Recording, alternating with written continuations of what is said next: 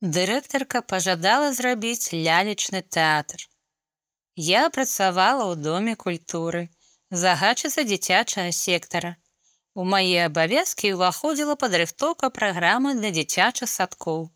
Спектакль або гульні. Мая дырэктарка пажадала зрабіць лялечны тэатр. Я падыходзіла да загадчыцы дзіцячага садка, у які мы планавалі ехаць. Размаўляла з ёй, што было б цікава. Прапанавала.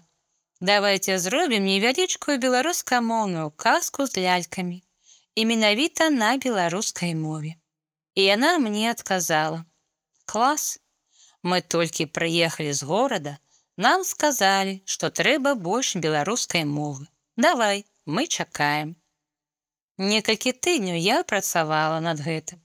Пасля прыйшла да дырэктаркі, каб ужо канчаткова ўсё ўзгадніць, і мы маглі паехаць з гастролямі.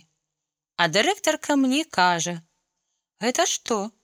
Я адказваю: Вось праграма, давайте з'едзем беларуская мова, гэта ж файна. І яе такая фраза, якая проста мяне забіла. Вот что.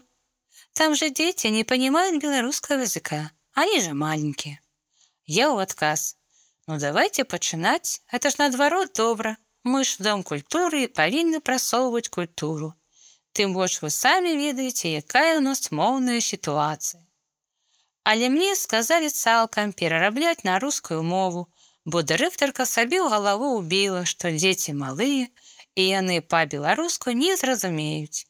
Атрымліваецца, што загадчыцы садкоў хацелі лялечны тэатр па-беларуску, а дырэктарка не.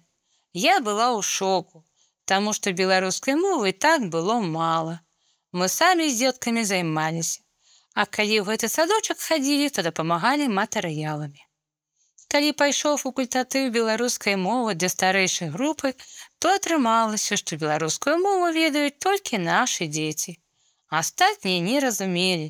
Адзін занятак на тыдзень катастрафічна мала. Александра 28 гадоў рамесніца. Казка. Можна прыдумляць шмат прычын, чаму ты выракся роднай мовы, але ўсе яны будуць гучаць як дрэнная казка з сумным фіналам. Добрая ж казка заўжды народнай мове і з вуснаў добрых людзей. Чытала Ядвіга Кентак.